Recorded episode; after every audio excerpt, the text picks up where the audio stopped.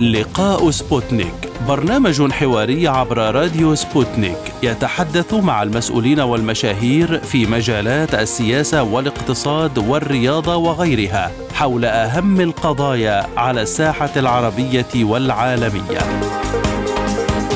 في لقاء سبوتنيك نوجه الأسئلة باسم المستمعين للوصول إلى إجابات على كل استفساراتكم.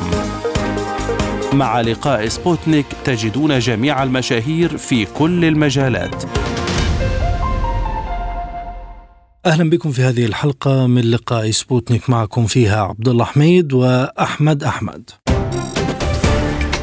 عشرون عاما مرت على سقوط بغداد وما زال ملايين العراقيين لا ينسون ما حدث لبلادهم من دمار نتيجة الغزو الأمريكي الذي بني على أكاذيب الإدارة الأمريكية بقيادة الرئيس الأسبق جورج بوش الابن ليقوم بغزو العراق متذرعا بالقضاء على أسلحة الدمار الشامل المزعومة. ورغم تأكيد وكالة الطاقة الذرية بأن صدام حسين لا يمتلك أي أسلحة نووية أو ما يسمى أسلحة دمار شامل إلا أن بوش أصر على ترويج الأكاذيب ليستمر في خطته ويضع القواعد العسكرية الأمريكية في هذا البلد المهم بالشرق الأوسط بعد الإطاحة بالرئيس صدام حسين عام 2003 في هذه الحلقة نستعيد تفاصيل هذه الفترة من تاريخ العراق. ينضم إلينا العميد الركن الدكتور وليد الراوي سكرتير وزير الدفاع العراقي وقت الغزو الأمريكي. أهلا بك سيد الكريم معنا في هذه الحلقة. بداية كيف تتذكرون أيام الغزو الأمريكي للعراق؟ وقد مر أكثر من عشرين عام على هذا الحدث خاصة وأن الحديث وقتها كان ينقل بطولات الجيش العراقي في التصدي للعدوان. ماذا جرى من كواليس؟ حقيقة طبعا ذكرى مؤلمة اللي هي أدت إلى احتلال العراق وتدمير دولة أسست عام 21 يعني هي ليس موضوع فقط إزالة نظام إنما أكبر من ذلك بدليل سرقة الوزارات تدمير الوزارات سرقة المتحف سرقة خزائن العراق. فهي عملية تدمير دولة وليس إزاحة نظام كما يدعون. هذا الأمر الأول. الجانب العسكري حقيقة كانت يعني كقيادة عسكرية طبعا توجيه القيادة السياسية من نتوقع أنه الموضوع آه، يعني آه، الحرب قائمة وزا يعني الحشودات الأمريكية بالكويت انطلقوا طبعا من الكويت وأكيد معاونة بعض الدول العربية اللي هي معروفة. في هذا التوقيت اللي هو هم حقيقة هو كان توقيتهم آه، بعد 17 بالشهر. لكن جت الامريكا معلومات كانوا يصورون الرئيس وعائلته موجود في مزرعة الدورة فبوش أصدر القصف يوم 17 وبالتالي بدأت الحرب ذاك اليوم. يعني قدم الحرب ثلاثة أيام. القيادة العسكرية كانت متمثلة. بوزاره الدفاع بالإضافة إلى قيادة قوات الحرس الجمهوري قد أعدت الخطط وأجرت الممارسات والتدريبات على المحاور الرئيسية اللي يسلكها. سلك القوات الغازية الأمريكية البريطانية وياهم جو الاسبان وياهم جو البولونيين وآخرين.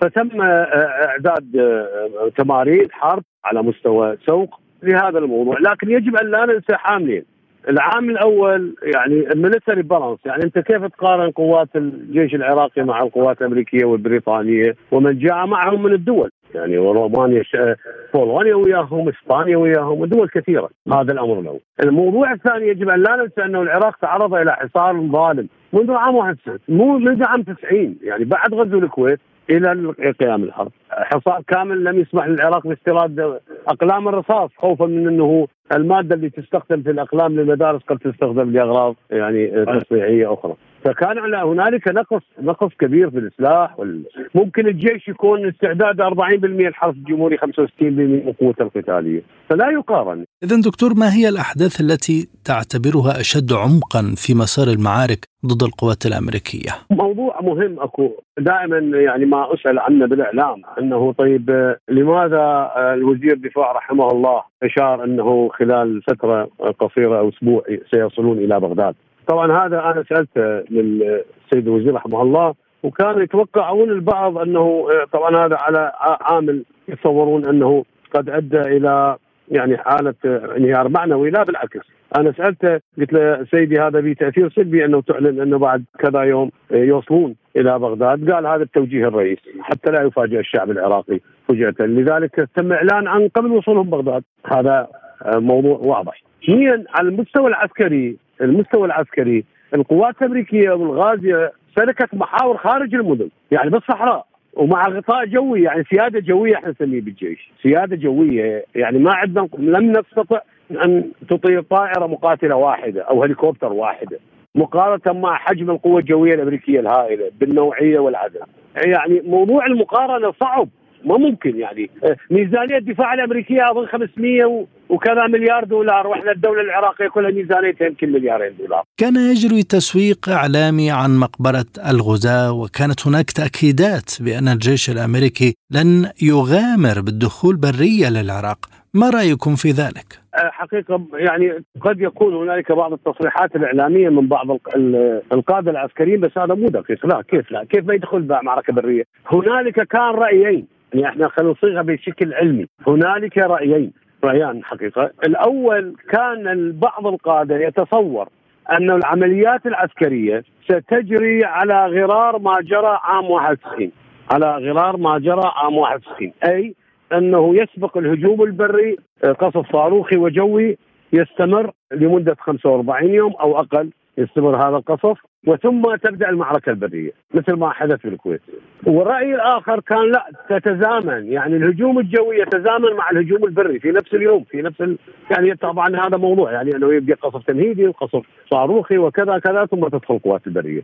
فالرأي كان مو ليس عدم وجود معركة برية، أمريكا قررت احتلال العراق، قانون تحرير العراق اللي أطلق عليه كلينتون عام 98 استحضاراتهم إعلامهم تحشدهم كله كان واضح إنه الحرب قائمة وطبعا تبدأ معركة برية. أنت كيف تحتل بلد غير بريا وجويا لكن المسألة وين كانت؟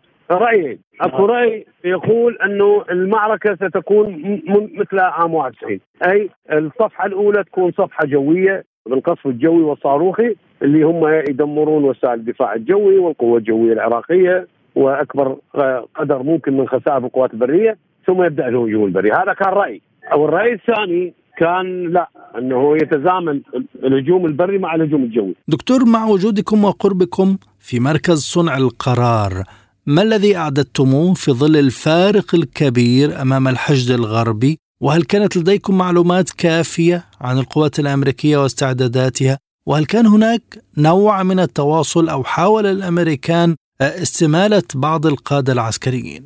لا الموضوع ليس يعني مثل ما يعني حقيقة صيرت، أول مسألة اولا لدينا معلومات كاملة من مصادر لأنه التمارين التي اعدت عدة تمارين مثل ما تمرين اعد وعرض أمام الرئيس في إحدى قصوره في منطقة الرضوانية. وعندما جاءت فقرة العدو في التمرين تكلم مدير الاستخبارات العسكرية الفريق الركن عايد العجيبي. إذا طيب الله يعطيه الصحة والعافية. إذا توفى رحمه الله. أعطى تفاصيل دقيقة عن القوات الأمريكية من حيث الانفتاح والقوة والعدد بحيث تفصيلية. يعني أحد القادة يحكي لي يقول يعني مثلا مثل ما يعني كنا قلقين من هذا الموضوع. طبعا حشد أمريكي كبير. إذا نحن نعرف ومصادر عندنا. يعني مصادر آه، كثيرة من الخليج العربي اضافه إلى مصادر أخرى أنه عن آه، حجم ونوع القوات الأمريكية. الأمريكان في كتبهم حقيقة وهذا ما ثبت في الميدان كانوا يتخوفون من مسألتين، المسألة الأولى حسب ما يدعون انه العراق استخدم أسلحة الدمار الشامل واللي ما عندنا وما استخدمناها ما موجودة بدليل ما تم استخدامها والدليل الآخر أنه أكثر من 600 فريق تفتيش قامت به أمريكا ارسلته لمحاولة العثور على أي شيء حتى يعطون مبرراتهم لم يجدوا شيء. الأمر الثاني كانوا الامريكان متخوفين منه هو الدخول في المدن يعني معارك المدن. كان القطاعات متوزعة. القطاعات متوزعة عندنا الفيلق الثالث والرابع هو بالجنوب والفيلق الثاني في وسط العراق والفيلق الخامس والأول في شمال العراق. والحرس الجمهوري عبارة عن فيلقين كان مسؤوليتهم الدفاع عن بغداد. يعني فتح الحرس الجمهوري وأخذ مسؤوليته ومعارك بغداد.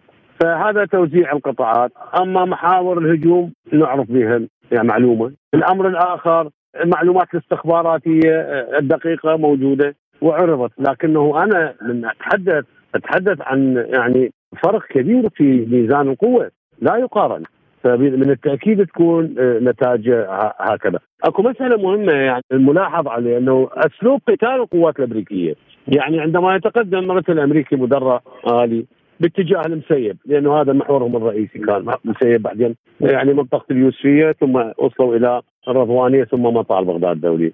أي تماس مع القوات العراقية؟ يعني قتال تبادل إطلاق نار راسا فورا تنسحب القوات الأمريكية وتقطع التماس. ماكو شيء تماس. وتد وتستدعى الطائرات والأباتشي والصواريخ بحيث تبيد القوة العراقية المدافعة ثم تقدم القوات الأمريكية بسهولة لأنه القوة الأمامها.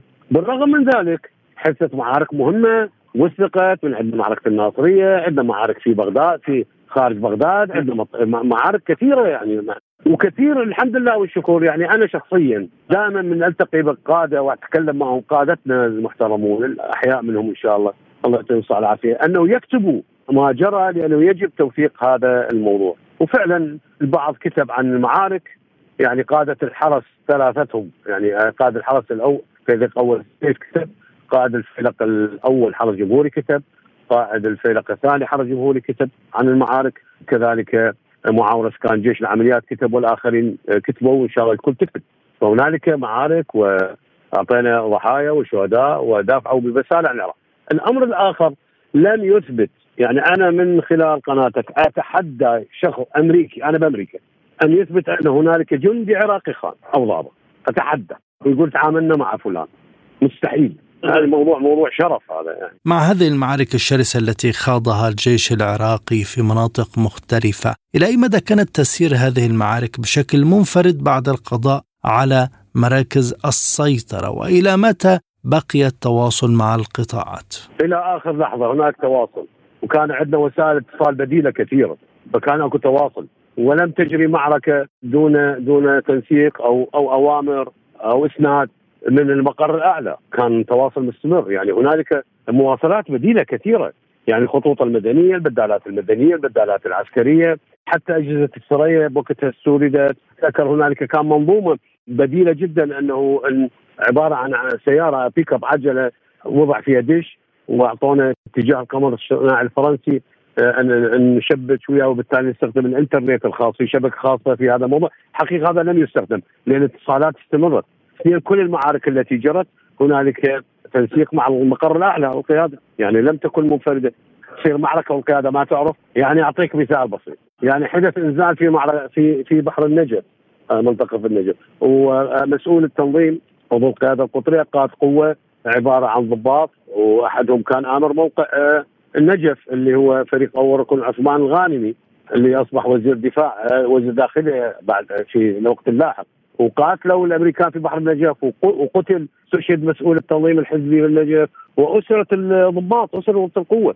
فهنالك طبعا معلومات كثيرة كانت ترد معلومات عن إنزال هنا وإنزال هناك وتقدم رسل للقوات الغازية هنا وهناك لكنه نرجع إلى نقطة البحث الأساسية أنه ميزان القوة نوع القوة نوع النيران اللي يملكها القوات الغازية العدو يفرق يعني من حجم الحجم ومن حجم من من حيث التأثير. نرجع إلى موضوع معين يعني أنت مثل ما أنت تقاتل برشاشة مداها 2 كيلومتر وعدوك عنده مسدس مداه 50 متر يعني ما فرق يعني هذا الموضوع يجب أن دائما نتحدث به سيدي العزيز السؤال الذي لم تكن له إجابات شافية وقاطعة هو أين ذهبت أسلحة الجيش العراقي يوم التاسع من أبريل؟ هل فعلا تم توزيعها على المقاومة الشعبية؟ حقيقة الأسلحة الجيش العراقي طبعا الحزب جهز بالسلاح والعشائر جهزوا بالسلاح طبعا أسلحة خفيفة متوسطة. هذه اثنين كانت هنالك مخازن ما بعد الاحتلال بعض المخازن سيطروا عليها القوات الأمريكية وبعضها سيطروا عليها آه، خلينا نقول بؤر المقاومة التي نشطت يعني بدأت تعمل أخذت أسلحة واستخدمتها معروفة مثلا ستريلا سام اللي هو ضد محمول على الكتف ضد الطائرات آه، كان موجود عند فصائل المقاومة العراقية هذه من مخازن الجيش العراقي أما الدبابات اللي دمرت هذه ملاحظة حتى يسمعها المواطن الكريم وهذه هي أول مرة أتحدث فيها. طبعا آه، بيعت خردة ويحدثني أحد الأشخاص من أقاربي توفاه الله. كان عنده يعني يملك شركة نقل نقل شحن كبيرة. فذكر لي أنه كثير من الدبابات اللي جمعت ثم قطعت بيعت إلى معمل يعني من اللصوص الذين سيطروا على هذه المواد أخذوا الدبابات المدرعات وبدأوا يقطعوها. بيعت إلى معمل دبابات ميركافا في إسرائيل وكانت تنقل برا. عبر المنافذ المعلومة إلى إلى إسرائيل اللي هم ذولا يعتبرون نفسهم الآن يعني هم بعض التجار والمهربين. فهذه الأسلحة بعض منها طبعا أكيد القوات الامريكيه سيطرت على بعض المخازن اثنين المقاومة العراقية اللي بدأت تنشط أيضا آه، أخذت معهم ضباط أخذوا بعض المخازن وسيطروا عليها وأخذوا السلاح. البعض الآخر الكبير الذي دمر ثقيل الذي دمر ثقيل يعني المقاومة ما استخدم الدبابات يعني أغلبية الأسلحة متوسطة وخفيفة أما الأسلحة الثقيلة فتجار الخرده زي ما بيقولوا بمصر عليه وقطعوها وبيعت كنت أحد شهود العيان في آه، تلك المرحلة، نريد شهادتكم على الجرائم الأمريكية التي ارتكبت منذ اليوم الأول وحتى دخول بغداد ضد المدنيين والعسكريين، وهل استخدمت القوات الأمريكية أسلحة محرمة دوليا؟ إحنا موضوع الحقيقة الأكبر فضيحة كانت آه، للقوات الأمريكية واللي معروفة وحتى الأمريكان كتبوا عليها. هو سجن أبو غريب. حتى الأمريكان كتبوا عليه وانتبهوا. تم محاسبة أظن عميده كانت إمرأة في مديرية السجن. هذه كانت جرائم فظيعه وموثقة ومدونة عند مراكز دولية. في جانب حقوق الإنسان، هذا الموضوع يعني حقيقة موجود، الموضوع الآخر نعم استخدم اليورانيوم المنضب على مستوى الدبابات. يعني أسلحة الدبابات يعني قذائف الدبابات الأبرامز وغيرها كان عندها يورانيوم depleted uranium معروف هذا يعني هذا يقال يبقى يعني هسه كثير من العراقيين أهلنا في البصرة وإصابات السرطان عالية بسبب استخدام اليورانيوم المنظف لأنه البصرة عانت كثيرا في معارك ضد قوات الغزو. إضافة إلى ذلك استخدمت أسلحة يعني ماس ويبن بس تعبوية في معركة المطار وكان هنالك شهود عيان على نوعية يعني كيف استشهدوا الضباط والجنود الذين قاتلوا ودافعوا وخاضوا. ثلاث معارك في معركة المطار كيف كانت أجسادهم مشوهة ومحروقة. فنعم استخدموا أسلحة محرمة دوليا منها اليورانيوم المنظم. سيادة العميد هل تعتقد أن تسريبات سجن أبو غريب كان الغرض منها إرهاب الشعب العراقي حتى لا ينتفض ضد الاحتلال وتصوير الأمور بحسب رغبتهم؟ لا بالعكس بالعكس فضحت القوات الأمريكية وخصوصا القيادات الوحدات المسؤولة عن السجن في تعذيب المساجين والأبرياء وقصص وروايات موثقة مخجلة جدا ليس لغاية الارهاب، يعني موضوع هم لو ترجع هم أساسا العمليات سموها صدمه والترويع، ترويع من؟ ترويع الجيش والشعب، والأساس قسم العمليات آه، آه، كانت بهذا المحور. لكنه موضوع سجن أبو غريب يعني آه، أمريكان كتبوا عنه مثل ما العراقيين كتبوا عنه والجرائم اللي حدثت بعدها في سجن أبو غريب. فقط بشير إلى موضوع مهم حقيقة. إحنا بعد احتلال المطار استلمنا باللي أنا يعني كنت في مع الوزير رحمة الله واستلمنا برقيه من المخابرات العراقية.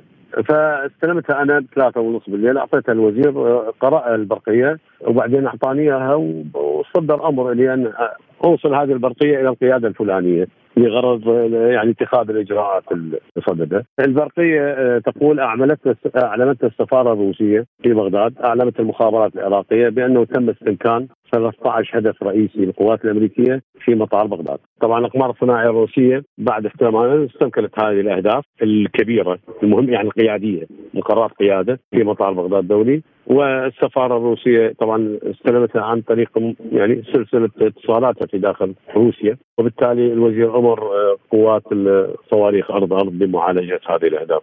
فحقيقه آه، خلينا نقول المعونة الوحيدة اللي اللي وصلت إلى العراق أثناء الحرب هي فقط هذه المعلومة. قبل ذلك كانت هنالك محاولة محاولة يعني ناجحة نسبيا لاستيراد بعض الأسلحة لأنه تسليح العراق شرقي والتسليح السوري شرقي يجلب بعض الأسلحة وسد النقص في السلاح العراقي. نحن نشكرك جزيل الشكر سيادة العميد الركن دكتور وليد الراويس سكرتير وزير الدفاع العراقي وقت الغزو الأمريكي. ورغم كل محاولات وزارة الخارجية والحكومة العراقية بكاملها نفي التهم الموجهة إلى العراق بامتلاك أسلحة دمار شامل والسماح لكل المفتشين الدوليين بزيارة العراق وتفتيش منشآته العسكرية وكل المنشآت التي تدعي الإدارة الأمريكية بأنها تحتوي على أسلحة محظورة إلا أن إدارة جورج بوش ومعها إدارة توني بلير رئيس وزراء بريطانيا الأسبق. في ذلك الوقت كانت قد قررت غزو العراق. هذا اللقاء أيضا مع السفير فاروق الفتيان مدير مكتب وزير خارجية العراق في تلك الفترة. وسفير العراق في اليونان. أهلا بك معالي السفير معنا في هذه الحلقة. ماذا تقولون في ذكرى احتلال آه، العراق؟ وأنتم كنتم ضمن المسؤولين في الدولة العراقية آنذاك. هل لك أن تصف لنا الوضع الذي سبق عملية الغزو؟ في البداية خالص تحياتي لك وإلى العاملين في الوكالة. أنا آخر موقع لي في أثناء الغزو كنت سفير العراق سفير جمهورية العراق اليونان. وقبل كنت مدير مكتب السيد وزير الخارجية الدكتور ناجي حديثي وكنت على اطلاع لكل ما جرى ما قبل الاحتلال من جهود بدأ من أجل إبعاد خطر الهجوم لأنه كنا نتوقع أحداث 11 سبتمبر وبعد توجيه بعض الغير حقيقية والغير لا ترتبط بالواقع أنه العراق يمتلك أسلحة جرثومية والعراق يمتلك أسلحة كيميائية وربما يكون العراق طالع في عمليات 11 سبتمبر. بدأت حملة بعد احتلال أفغانستان بدأت الحملة موجهة ضد العراق. لذلك حاولت العراق جاهدا من خلال تحرك وزير الخارجية الدكتور ناجي صبري الكثير من الدول العربية وبالأخص الدول الخليجية فكانت هناك زيارات إلى إلى الإمارات العربية وإلى قطر وإلى البحرين وبعد ذلك بعد مؤتمر قمة بيروت حصل لقاء عراقي آه، سعودي وإلى القاهرة وإلى دمشق وإلى الجزائر ثم بدأ تحرك آه، إقليمي إلى إيران وإلى دول مجاورة أخرى ومن ثم بدا تحرك غربي إلى سواء كان من خلال الأمم المتحدة ومن خلال مجلس الأمن ومن خلال زيارة عدد من الدول الأوروبية وموسكو وباكستان والهند، هذا التحرك العراقي الحقيقة كان لدفع آلة الحرب اللي كانت تعدها الولايات المتحدة الأمريكية. ونحن نشعر أن العراق لا يملك هذه الأسلحة وأن جورج بوش وتوني بلير كانوا مسيرين من قبل اللوبي الصهيوني واللوبي المعادي للأمة العربية لأنه كانوا يعتقدون هو فعلا حقيقة إذا سقطت بغداد آه، تسقط الكثير من الدول العربية وهذا ما شاهدناه بعد العدوان 2003 إذا نظرنا نظرة إلى الواقع العربي اليوم نرى كيف استطاعت ميليشيات إيران أن تتغلغل في أكثر من بلد عربي. بعد سقوط العراق ونفس الشيء. إذا تنظر إلى ليبيا والسودان الوضع في مصر في سوريا في لبنان الوضع متخلخل والأمة العربية للأسف تعيش في أضعف مراحل. تحدثتم عن المرحلة التي سبقت الغزو وتحديدا في 2001 وبعد الحادي عشر من ديسمبر. ولكن ألم يتوقع العراق أن هناك مخططا أمريكيا قادم بعد غزو الكويت؟ حقيقة يعني بعد فرض الحصار على العراق بعد آه، سواء آه، أسميناه حرب الخليج أو حرب الكويت بعد هذا التاريخ يعني بعد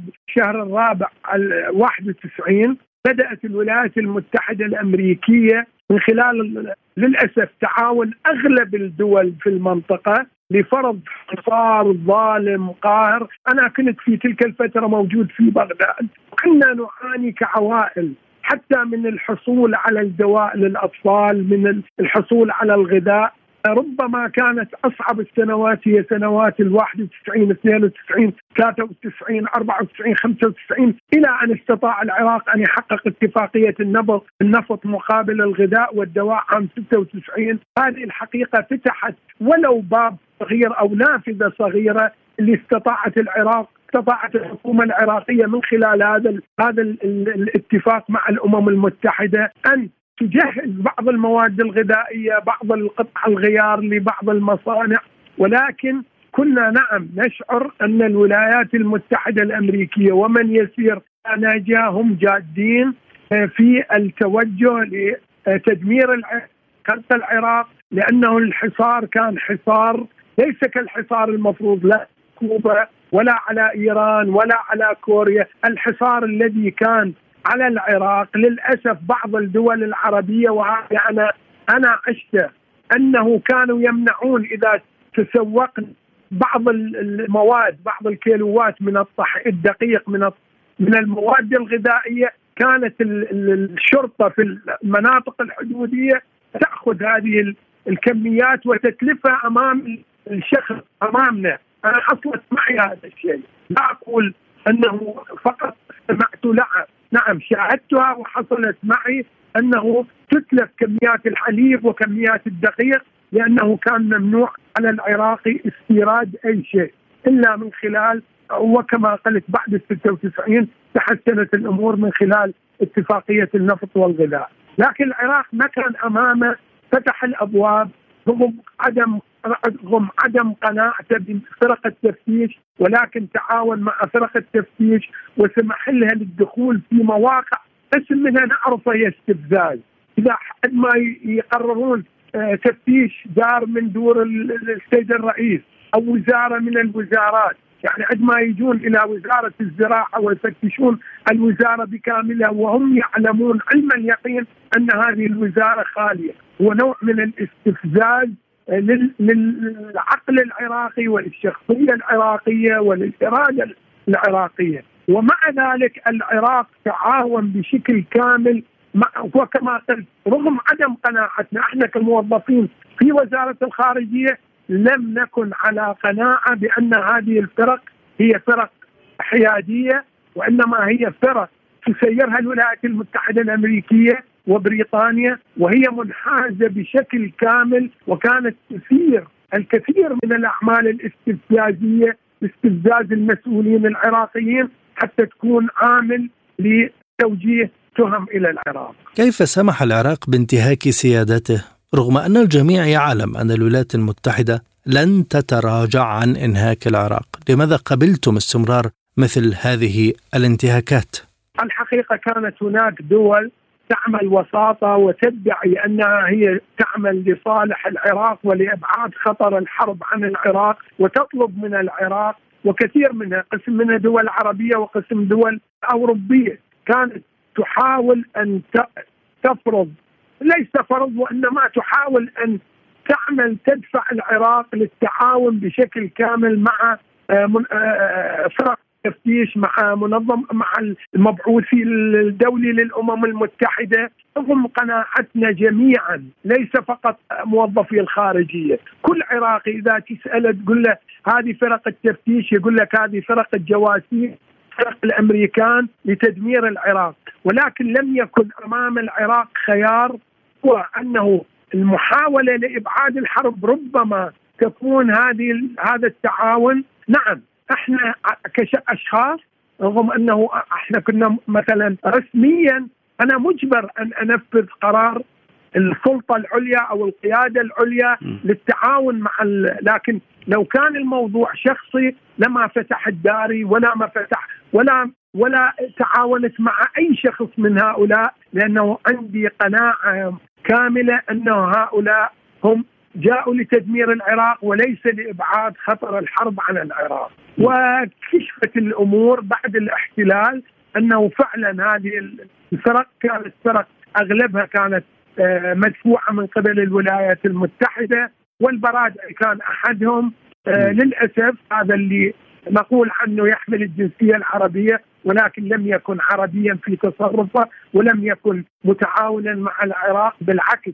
كان متآمر على العراق حاله حال حال ديفيد كي أو أي واحد من فرق التفتيش الآخرين الأمريكي أو الروسي أو ال أو ال الألماني أو البرازيلي أو الفنلندي. طيب سيادة السفير الفترة التي جاءت فيها فرق التفتيش للبلاد هل هل هي التي أوصلت هذه المرحلة للعراق لأن يكون مكشوفا للأمريكيين؟ لذلك قرر جورج بوش آه، اقتحام العراق بريا. كيف كان الوضع داخل البلاد حينها أيضا؟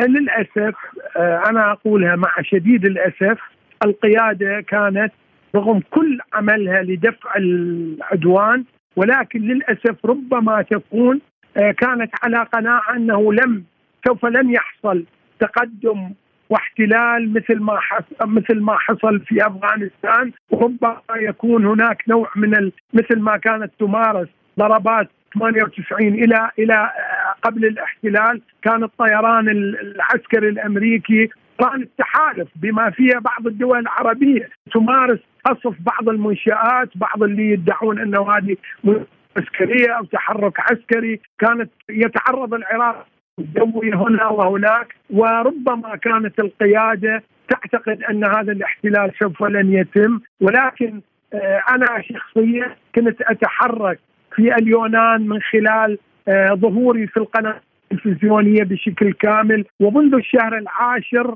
2000 آه، كنت في كنت من خلال لقاءاتي مع المسؤولين اليونانيين ومن خلال لقاءاتي في القنوات التلفزيونية أطرح أنه مسألة أنه الولايات المتحدة الأمريكية مصممة على هي وبريطانيا وأخص بالذكر جورج بوش وتوني بلير مصممين على ضرب العراق وعلى تدمير العراق لأن العراق هو السد المنيع للأمة العربية وبوابة الشرق للأمة العربية وكل هذا.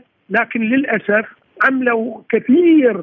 وكما ذكرت الدكتور ناجي صبري آه، عمل المستحيل من خلال آه، تحرك على جميع الأصعدة. آه، لكن القرار الأمريكي صادر بتدمير العراق وربما نعم لو كان العراق يمتلك سلاح مثل ما تمتلك إيران الآن لوضعوا كثير من الأمور قبل أن يعني يتوجهوا بشكل سهل وسلس ويتوقعون أنهم قادرين على العراق خلال أيام وفعلا هذا اللي حصل بعد بدء الاحتلال عام 2003 كانت هناك جرائم خلال الاحتلال الأمريكي للعراق. ماذا رصدت وزارة الخارجية منها؟ لا أعتقد أن الشعب العراقي آه، استقبل الأمريكان بالورود إلا من خلال بعض العناصر. وهذه العناصر هي نفس العناصر التي تحكم الآن والتي التابعة إلى إيران. آه، البصرة في منطقة أم قصر لوحدها 13 يوم لم تستطع القوات البريطانية أن تدخل وكان لواء عراقي واحد. وإلى أن أبيد هذا اللواء يعني هذه القوة العسكرية اللي موجودة يلا استطاعت القوات. آه للأسف التفوق الجوي الكبير غياب القوة الجوية العراقية طبعا التفوق العسكري الآخر مو, مو فقط الجوي الصواريخ الدروع كل هذه عوامل ساهمت وساعدت على الإسراع بالاحتلال. بعد الاحتلال نعم هناك مجاميع آه، هللت للاحتلال ولكن هذه المجاميع كانت صغيرة جدا. آه، أغلبها هي اللي مؤيدة إلى إيران واللي لا زالت الآن آه، تحكم العراق واللي في كل الانتخابات اللي جرت لم تتجاوز نسبتهم في المشاركة أكثر من 20% والآن علني الآن في المحطات في في الشوارع يعلنون أنه هم ناقمين على الحكم الحالي ويترحمون على أيام النظام السابق وعلى أيام الرئيس الراحل صدام طيب معالي السفير وما هي أبرز الجرائم الأمريكية بعد بداية الاحتلال الأمريكي؟ الجريمة الكبرى الجريمة الكبرى هي استمرار الحصار والتضييق على العراق واللي أدى إلى وفاة أكثر من مليون طفل خلال 11 سنة. وكثير من المستشفيات كانت تفتقد إلى إلى إلى الأدوية وتفتقد إلى إجراء العمليات وإجراء مع ذلك العراق استطاع من خلال الكوادر الوظيفية الموجودة والكوادر العلمية سواء كانت في مجال الطب في مجال الهندسة في مجال الكهرباء إعادة الإعمار واستطاع من خلال الزراعة من خلال أن يطور نفسه وفعلا أصبح العراق بعد 98 أصبح الحصار وكأنما غير موجود ليش؟ اصبح العراق إلى متنفس من خلال الكوادر العلمية والوظيفية الموجودة وطور نفسه واعتمد على نفسه، لكن الجرائم اللي ارتكبها الاحتلال الأمريكي اولا كانوا يقتحمون أي مدينة ويقتلون أي يعني بدون سابق إنذار أي سيارة تمشي بالشارع يطلقون ال ال وهذه مصورة ومعروفة لدى الجميع، بعدها أصبحت الجرائم ترتكب بعد الاحتلال من خلال سجن أبو غريب ومن خلال سجن المطار ومن خلال القواعد في منطقة بلد ومنطقة التاجي ومنطقة أم قصر ومنطقة البصرة. هذه السجون اللي اللي اللي اللي آه أنشأها الامريكان آه دخلوا بها آلاف آلاف مؤلفة من العراقيين سواء من كانوا من أركان النظام السابق أو من قادة الجيش أو من ما أطلقوا عليهم أنهم هم المخربين والإرهابيين واللي هم مقاومين حقيقة للاحتلال. وكانت ربما تكون كانت مدينة الفلوجة هي النبراس وكانت تحمل الراية الحقيقة. للمقاومة العراقية ولذلك دمرت هذه المدينة بشكل كامل من خلال القصف الجوي ومن خلال القصف المدفعي واستخدموا حتى قنابل النابالم وبعض الأسلحة الكيميائية لتدمير هذه المدينة والسيطره عليها بعد أن عجزوا على اقتحامها من خلال القوات البرية اللي كانت متواجدة في العراق. بعد معركة الفلوجة الأولى والثانية عام 2004 استطاعت الولايات المتحدة الأمريكية أن تفرض سيطرتها على أغلب المدن العراقية لكن المقاومة العراقية كانت نشطة وقوية وخاصة الأعوام 2004 و2005 لكن للأسف من خلال آه، تخاذل بعض الأطراف وتعاونهم مع الولايات المتحدة الأمريكية أنشأوا ما يسمى بالصحوات وخاصة في المحافظات ذات الأغلبية السنية واللي هي كانت تشكل المقاومة الحقيقية للعراق. استطاعت هذه الصحوات من خلال معرفتها بالأطراف معرفتها بواقع المدن إذا أخذنا الفلوجه الرمادي هي تخانس سامره تكريت الموصل بيجي أو أبناء هذه المناطق القائم أبناء هذه المناطق شخص يعرف الآخر، معروف من هو الذي يقاوم ومعروف من هو الذي تعاون مع المحتل، هذه الصحوات الحقيقة استطاعت أن تكون اليد الضاربة. للأمريكان ضد المقاومة، واستطاعت الولايات المتحدة الأمريكية أن تحيد نهاية عام 2007 أغلب هذه المدن وتجعل وتضعف المقاومة وملئت السجون والمعتقلات في أغلب أغلب المعسكرات كانت تحتوي على شباب هذه المدن باعتبارهم مقاومين للمحتل الأمريكي. ما ارتكبته الولايات المتحدة في العراق ضد المواطنين تعتبر جرائم حرب. هل عملتم على رصد هذه الجرائم وتقديمها للمحاكم الدولية المختصة باعتبار أنها لا تسقط بالتقادم؟ بالتأكيد بالتأكيد يعني موجود عندنا عدد من الإخوان في لندن الأستاذ صباح المختار في جنيف عدد المركز الدولي لحقوق الإنسان الأستاذ ناجي حرج. لعبوا دور كبير عدد كبير من من خلالنا من خلال الجاليات العراقية المنتشرة في أوروبا وفي الوطن العربي. عملنا كثير من المؤتمرات والمنتديات لتوثيق الجرائم ورفعت الكثير ولكن للأسف لا زالت الولايات المتحدة لها اليد الطولة، أنا أعتبر الجريمة الكبرى التي ارتكبتها الولايات المتحدة أكبر من كل هذه الجرائم هي فتح أبواب العراق أمام إيران وأمام الميليشيات الإيرانية لأن من خلال هذه الميليشيات استطاعت أن تفرض سيطرتها على العراق. والخطر الآن الموجود في العراق من الميليشيات الإيرانية هو أكبر من الخطر وأقوى من الخطر خطر التواجد الأمريكي الموجود، كنا نعرف أنه أمريكا سترحل نتيجة المقاومة العراقية، ولكن إيران استغلت الطائفية ومن خلال الطائفية تغلغلت ومن خلال تعاونها مع نظام بشار الأسد في سوريا استطاعت أن تفرض أجندة سياسية طهران بغداد دمشق بيروت هذه الأجندة للأسف امتدت إلى صنعاء وأصبح المنطقة تواجه إضافة إلى الخطر الأمريكي الإمبريالي خطر آخر وهو خطر التشيع الصفوي اللي الآن خطر أقوى من حتى الخطر الأمريكي. معالي السفير فاروق الفتيان مدير مكتب وزير الخارجية وسفير العراق في اليونان وقت الغزو الأمريكي نشكرك جزيل الشكر على هذه الدقائق. عالم سبوتنيك يغطي جميع الأحداث السياسية والاقتصادية والرياضية حول العالم. على مدار ساعة تتابعون عالم سبوتنيك مع أهم خبراء التحليل السياسي والاقتصادي. نقترب معكم في متابعة دقيقة من القضايا السياسية والاقتصادية، كما نستعرض أهم الأخبار الرياضية والفنية والبيئية. انتظروا عالم سبوتنيك أيام الجمعة والسبت والأحد من كل أسبوع. ملفات ساخنة برنامج يسلط الضوء على أهم القضايا الحرجة في العالم في ملفات ساخنة نستعرض القضايا مع جميع الأطراف ومن كل الزوايا لاستجلاء الحقيقة ملفات ساخنة يستضيف أهم الخبراء وأجرأ الضيوف. تابعوا ملفات ساخنة مع راديو سبوتنيك أيام السبت والثلاثاء والخميس من كل أسبوع.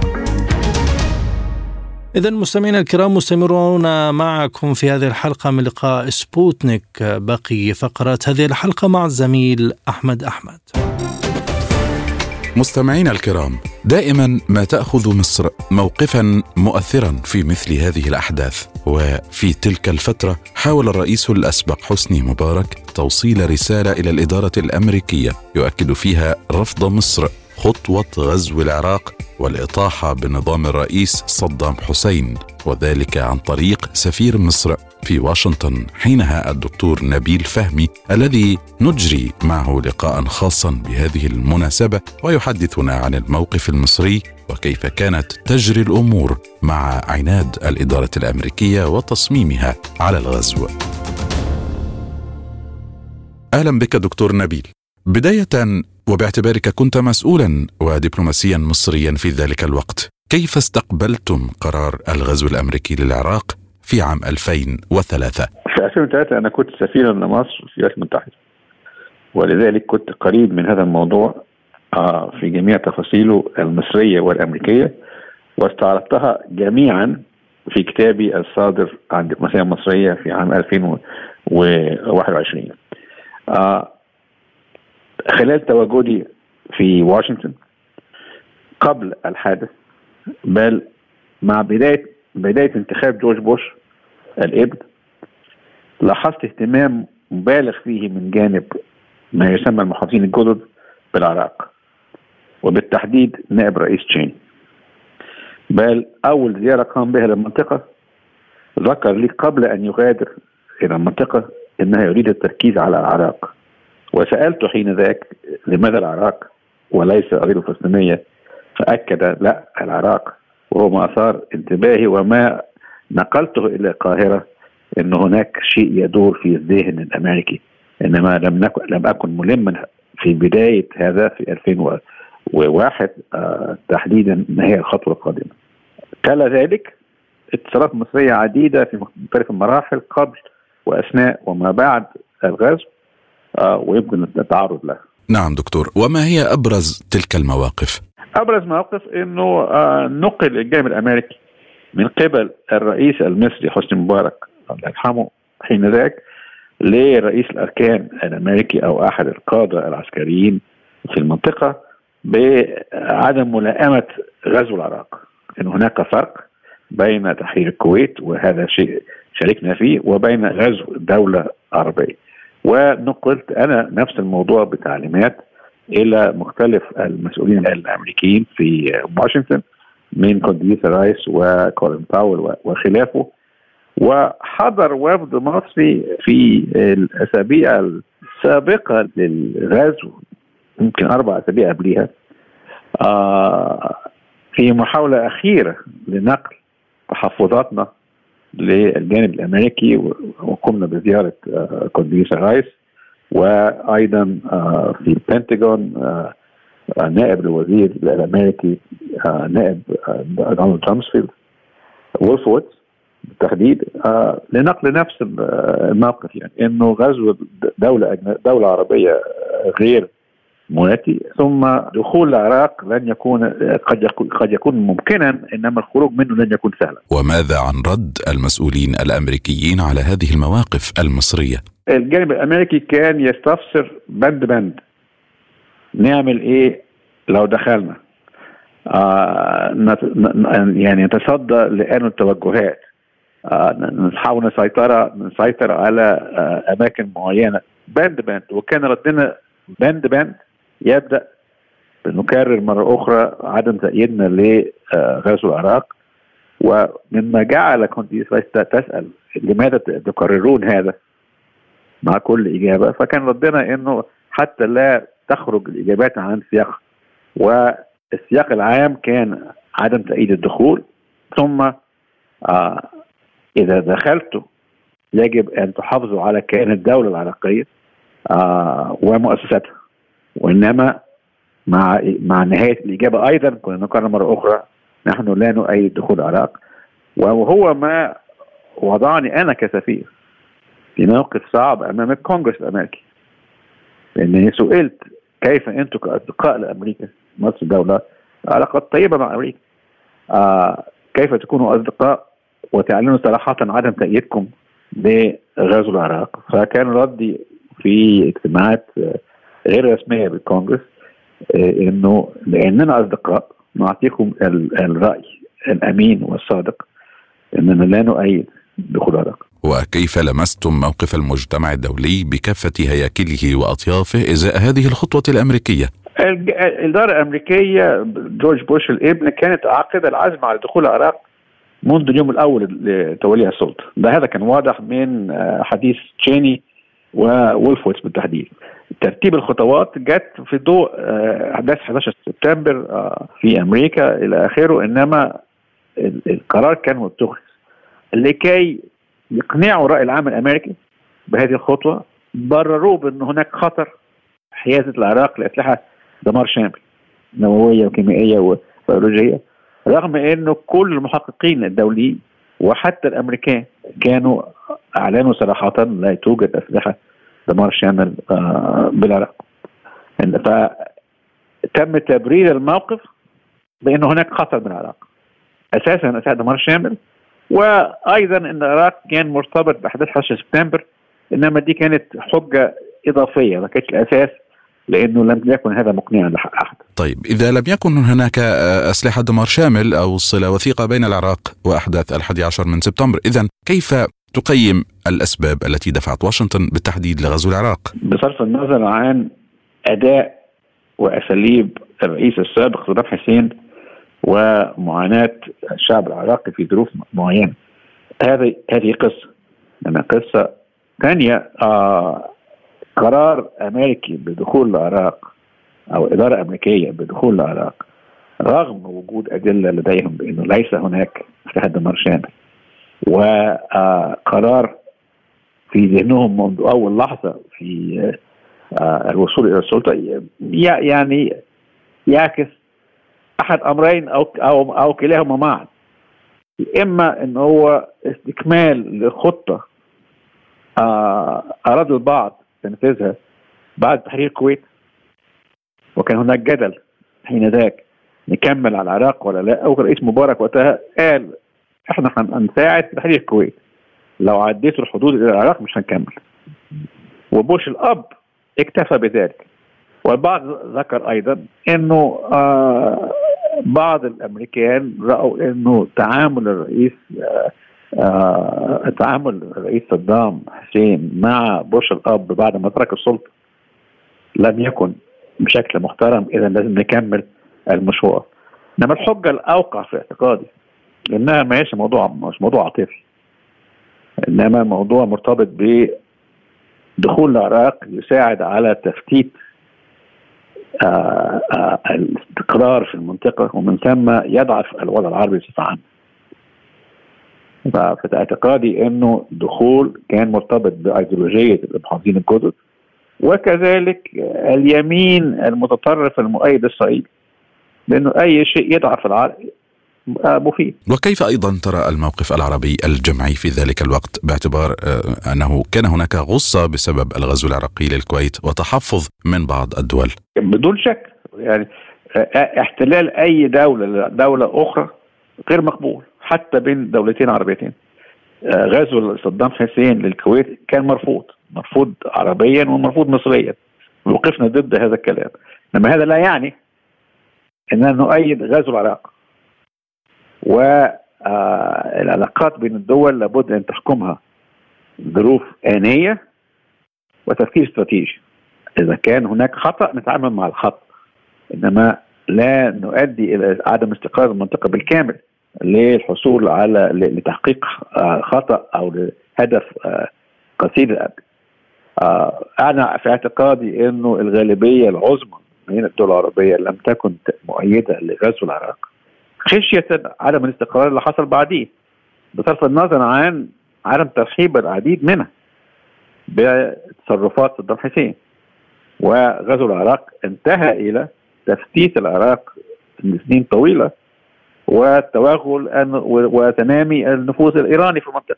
نعم، دكتور نبيل كيف أيضا تقرأ الاعتذار الذي جاء وتوالى على ألسنة العديد من المسؤولين الأمريكيين خاصة الرئيس السابق جورج دبليو بوش وكولين باول عن الاعتداءات والادعاءات التي ساقوها لتبرير غزو العراق؟ من أكبر سلبيات النظام الأمريكي أنه بيندفع بقوته. مع أي تيار يستطيع أن يحصل على التأييد الشعبي الجارف وخاصة بطرح قضايا آه، تعكس إن هناك خطر دولي وهناك بصراحة برضه هناك آه، آه، نفوذ لما يسمى المنظومة الصناعية العسكرية تؤيد دائما اللجوء إلى العنف في في في تحليل القضايا والتصدي للقضايا. هذه سلبيات النظام الأمريكي فضلا عن إنه قوة الجانب الأمريكي بيخلق لديه نسبة غرور ومجازفة آه غير قليلة على حساب مسؤولياته على حساب مصالحه في النهاية وطبعا يدفع ثمن كبير في هذا المجتمع الدولي. بالمقابل من إيجابيات النظام الأمريكي إنه كثير الشفافية وبعد الأحداث لا يخشى طرف لا يخشى مسؤول أو غيره أن يعلن صراحة.